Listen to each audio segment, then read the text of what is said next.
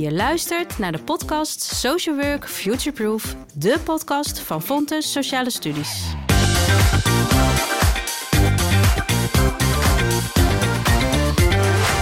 Welkom bij deze aflevering over vrouwen en gezinsopvang. Ik ben Dana Veringa en vandaag ga ik in gesprek met Marielle Verhagen en Neeltje Spit. Welkom. Dankjewel. Dank je. Jullie hebben een onderzoek uitgevoerd naar de vrouwen- en gezinsopvang. Voor degene die niet precies weten wat vrouwen- en gezinsopvang uh, omvatten, zouden jullie wat meer kunnen vertellen over beide typen opvang? Het klinkt heel verschillend, vrouwenopvang en gezinsopvang. Maar feitelijk zit alleen het voornaamste verschil in de aanleiding dat mensen worden opgevangen. Bij vrouwen is dat geweld en de veiligheidssituatie. Bij dakloze gezinnen is dakloosheid de aanleiding dat de gezinnen worden opgevangen. Maar in de praktijk zien we dat deze groepen, waarbij het hele verschillende groepen lijken te zijn, hele ver, heel vergelijkbaar zijn als het gaat om onderliggende problematieken. En dit onderzoek hebben jullie uitgevoerd in samenwerking met de gemeente Eindhoven en met NEOS. Daar is destijds ook een hele duidelijke aanleiding voor geweest voor deze samenwerking. Wat was die aanleiding precies? In eerste instantie was de aanleiding dat er een tekort was aan behuizing, aan bedden. Uh, gezinnen, vrouwen waren genoodzaakt om zich in hotels te vestigen, omdat in de maatschappelijke opvang, dan wel in huizen, er geen plek meer was. Dat was de aanleiding. Mhm. Maar al verder pratend kwamen we erachter dat er ook nog veel vragen waren bij hoe vangen we deze vrouwen dan wel gezinnen dan op? Wat zijn dan daarin succesfactoren of wat is beknellend? Uh, dus in die zin konden we ook qua werkwijze meer de diepte ingaan. Hoe en waarom help je deze mensen? En, en was dat dan uiteindelijk ook het doel van dit onderzoek? Wilden jullie bijvoorbeeld ook meer informatie um, um, boven water krijgen over het professioneel handelen van de mensen in de vrouwen- en uh, gezinsopvang? Een belangrijk doel was inderdaad hoe verbeter je het professioneel handelen. Ja. Naast ook het kijken hoe je in het beleid aanpassingen kan doen, waardoor deze groepen beter kunnen worden geholpen. Ja, en daar is veel vraag naar op dit moment, want ik begreep ook dat er steeds meer gezinnen dak- en thuisloos zijn. En dus ook in een bepaalde vorm van tijdelijkheid opgevangen worden in bijvoorbeeld hotels. Maar het gegeven dat ze geen vaste woon- en verblijfplaats hebben, uh, er tegelijkertijd aan bijdraagt dat ze geen hulpverlening mogen ontvangen. Ja, zo blijven ze inderdaad in die cirkel zitten. Dat ja. klopt. Ja, dat maakt wel heel erg nieuwsgierig naar de bevindingen die jullie hebben opgedaan met dit onderzoek. Ja, de bevindingen zijn talrijk. Maar wat in ieder geval heel duidelijk uit ons onderzoek bleek, dat um, elke vrouw en elk gezin een heel eigen verhaal, een heel eigen context en een heel eigen problematieken heeft. En dat dat meteen de hulpverlening zo ontzettend complex maakt. Dus vanuit ons onderzoek willen we ook een pleidooi doen, eigenlijk richting gezinnen in dit soort situaties, maar ook richting hulpverleners die daarmee te maken hebben dat dit soort problematieken niet eenduidig op te lossen zijn. Het vraagt een enorm lange adem uh, om zicht te krijgen op patronen binnen gezinnen tegenwoordig. En vooral patronen die ongezond zijn en waar geweld speelt. Dat vraagt uh, veel presentie van hulpverleners, aanwezigheid. Mensen delen niet 1, 2, 3 dingen. Er is heel veel wantrouwen ook vanuit dit soort gezinnen naar hulpverleners. Niet voor niets, want zij dragen vaak al een hele geschiedenis met zich mee. Dus dat noopt ook, ook richting beleidsmakers, dat uh, doelen niet te strak geformuleerd moeten worden. En nu hebben jullie het onderzoek uitgevoerd vanuit een HBO. En is een van de doelstellingen van onderzoek aan een HBO om er ook handelingskennis mee te genereren voor de uh, studenten, de toekomstige professionals die uh, een opleiding volgen. Als je specifiek inzoomt op dat professioneel handelen, wat voor thema's komen er dan naar voren op basis van de analyses en uh, de data? Een belangrijk thema wat wij terug zagen komen was het stukje collectiviteit. En daarmee bedoel ik dat er natuurlijk heel veel vragen spelen bij vrouwen en gezinnen, trauma's, problemen, maar dat er ook heel veel behoefte was om te kunnen delen, uh, maar ook om gezien te worden vanaf het begin, om te kunnen worden ingezet op dingen die zij zelf kunnen. Uh, maar ook wat hun kinderen kunnen. Want vaak zie je ook dat kinderen vanuit een traumatische situatie weer in een nieuwe traumatische situatie komen, waarin heel veel aan de hand is. Je ziet het ook wel in de omgeving, toch vaak ook nog wel kale wanden, muren, waarin je liever niet rondloopt.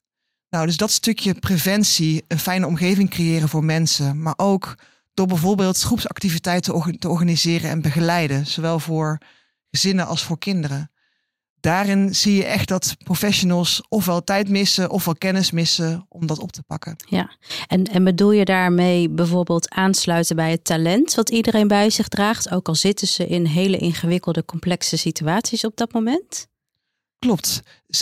talent en ook wel uh, de behoefte om dat te doen. Omdat er vaak zoveel wordt ingezet op alles wat dus niet klopt, er niet is. Maar als je wat langer, Marielle zegt het al, hand in hand loopt met iemand en echt kijkt, zie je hoeveel er ook echt wel kan. Ja, precies. En um, um, je hebt het ook over groepsactiviteiten. Ik was in de veronderstelling dat gezinnen of vrouwen, al dan niet met kinderen, uh, uh, individueel de opvang inkomen. Of dat nou de vrouwenopvang is of de gezinsopvang. Hebben jullie op basis van uh, de resultaten die, jullie, die uit jullie onderzoek naar voren komen, gezien dat, die groepsact dat er een behoefte is om ook wat meer in groepen te opereren in plaats van alleen als een individueel systeem? We hebben vooral gezien dat uh, groepen enorm functioneel kunnen zijn in de zin van meer delen, meer verbinden met elkaar en ook meer spelen en meer ontspannen. Dus eigenlijk ook in het zoeken naar oplossingen in het normale. Uh, binnen de vrouwenopvang hebben we gezien dat vrouwen het ontzettend leuk vonden, bijvoorbeeld om een uh, gezamenlijk een activiteit te organiseren.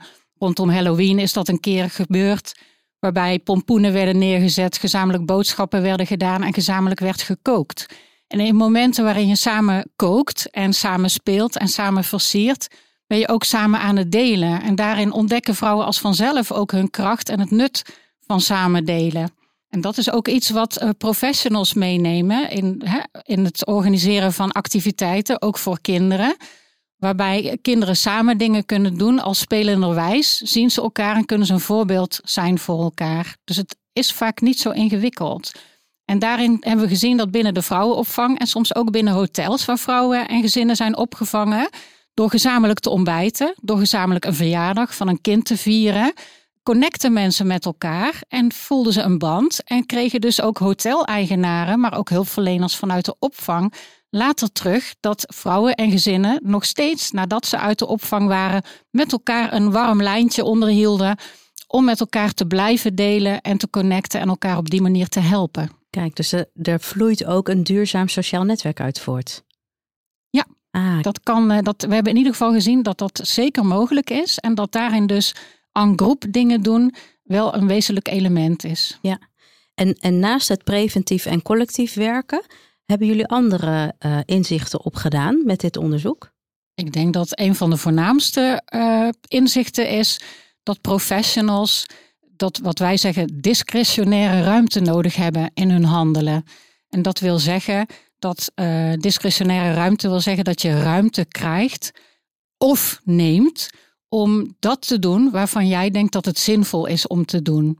En daar ligt blijvend een uitnodiging. En dat uh, om discretionaire ruimte te kunnen nemen of te krijgen, daar is vertrouwen voor nodig. En dat vertrouwen vanuit bestuurders, vertrouwen vanuit organisaties. Organisaties moeten eigenlijk dienstbaar zijn aan vertrouwen aan zowel hulpverleners, maar ook aan de gezinnen en de vrouwen om wie het gaat. En eigenlijk is dat ook een appel voor meer vertrouwen in zowel de uitvoeringspraktijk als de beleidspraktijk en vooral in de verbinding tussen beleid en praktijk. Um, hebben jullie aanknopingspunten gezien voor hoe we dat vertrouwen, dat onderlinge vertrouwen, meer kunnen laten groeien? Nou, ik, ik denk twee dingen. Eén ehm, is, kijk, het feit dat al dit onderzoek met een grote commitment toch ook echt wel was van de gemeente en een NEOS, de wil om te leren, dat is al één ding, hè? Gewoon willen horen, wil, willen zien. Dat is de ene kant van het verhaal. De andere kant van het verhaal is de professional die zijn of haar stem laat horen. Bijvoorbeeld, um, er was een besluit genomen dat er geen beveiliging mocht nog zijn op een locatie. En daar waren de professionals angstig onder. Dat agenderen op de kaart zetten van hé, hey, hier zijn financiën voor nodig. Dat gebeurt nog niet altijd uit angst, tijdgebrek, uh, niet goed weten hoe te verwoorden. Dus aan beide kanten agenderen en luisteren. Uh, goed duurzaam communicatie ja. is daarin heel belangrijk. En dat is deels al wel aanwezig, maar kan meer. En wij zijn met elkaar natuurlijk een, een eh, hogeschool. Wij leiden zelf professionals op.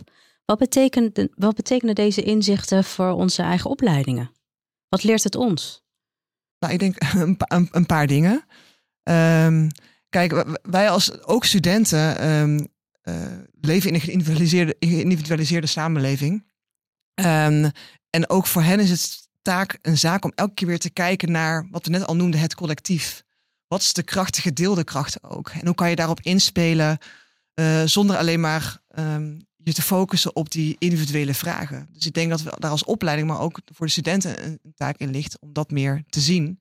Ja, continu zien dat uh, iets geen probleem is van een individu, maar dat een individu deel uitmaakt van in eerste instantie een gezinssysteem, maar dan ook een netwerk daarbuiten.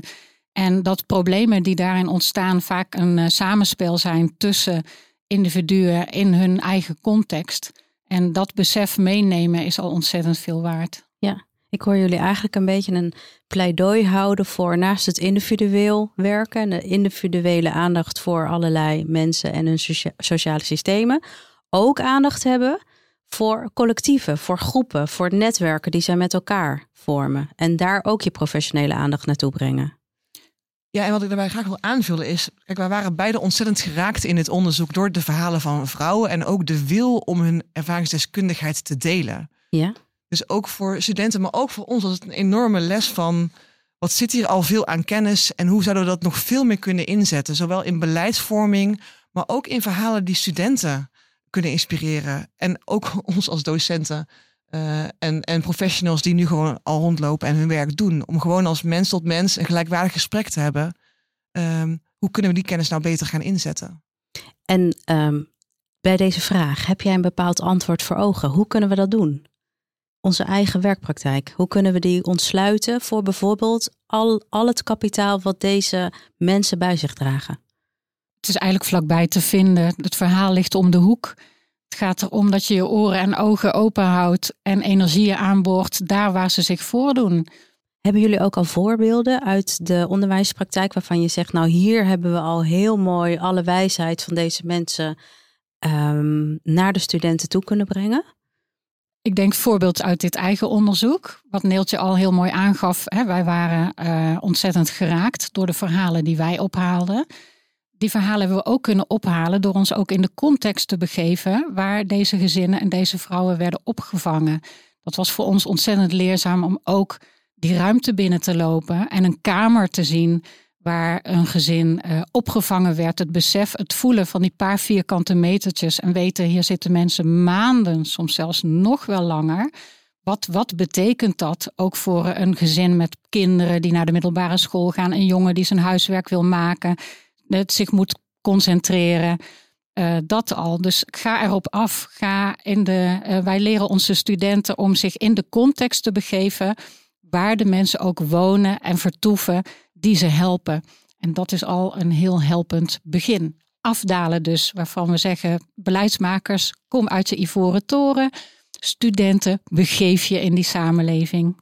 En dus ook docenten. Ga naar buiten en ga naar de leefwereld van mensen?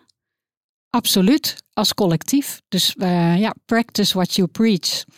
Dat als docenten uh, zullen wij dat, uh, en doen we dat ook, en stralen we dat uit. En zouden we dat nog meer kunnen doen dan dat we nu al doen? Ja, zeker. Net zoals de vrouwen- en gezinsopvang zich in de wereld van protocollen en regels begeeft, zitten wij als in het onderwijs en in het onderzoek daar, daar ook zeker in. En dat vraagt ook van ons als docenten het lef en de feeling ook met de mensen voor wie we het uiteindelijk doen. Waaronder dus deze vrouwen en die gezinnen. In de meeste, inderdaad, wat Miriam al zegt, complexe en ook benarde situaties. Om echt daar gewoon te gaan met elkaar. En daar zijn we Fontes al volop mee bezig. Uh, en nee, we zijn er nog niet. Maar um, daar, daar, kunnen we steeds meer komen. Als we constant in gedachten houden waar we het voor doen. En dat werd wel heel duidelijk uh, in de ervaringsverhalen van deze vrouwen en gezinnen. Dat uh, is een mooie opdracht waar we met elkaar de komende tijd uh, uh, de mouwen voor kunnen opstropen. Ik wil jullie heel hartelijk bedanken voor dit inspirerende gesprek. Geen dank. Graag gedaan.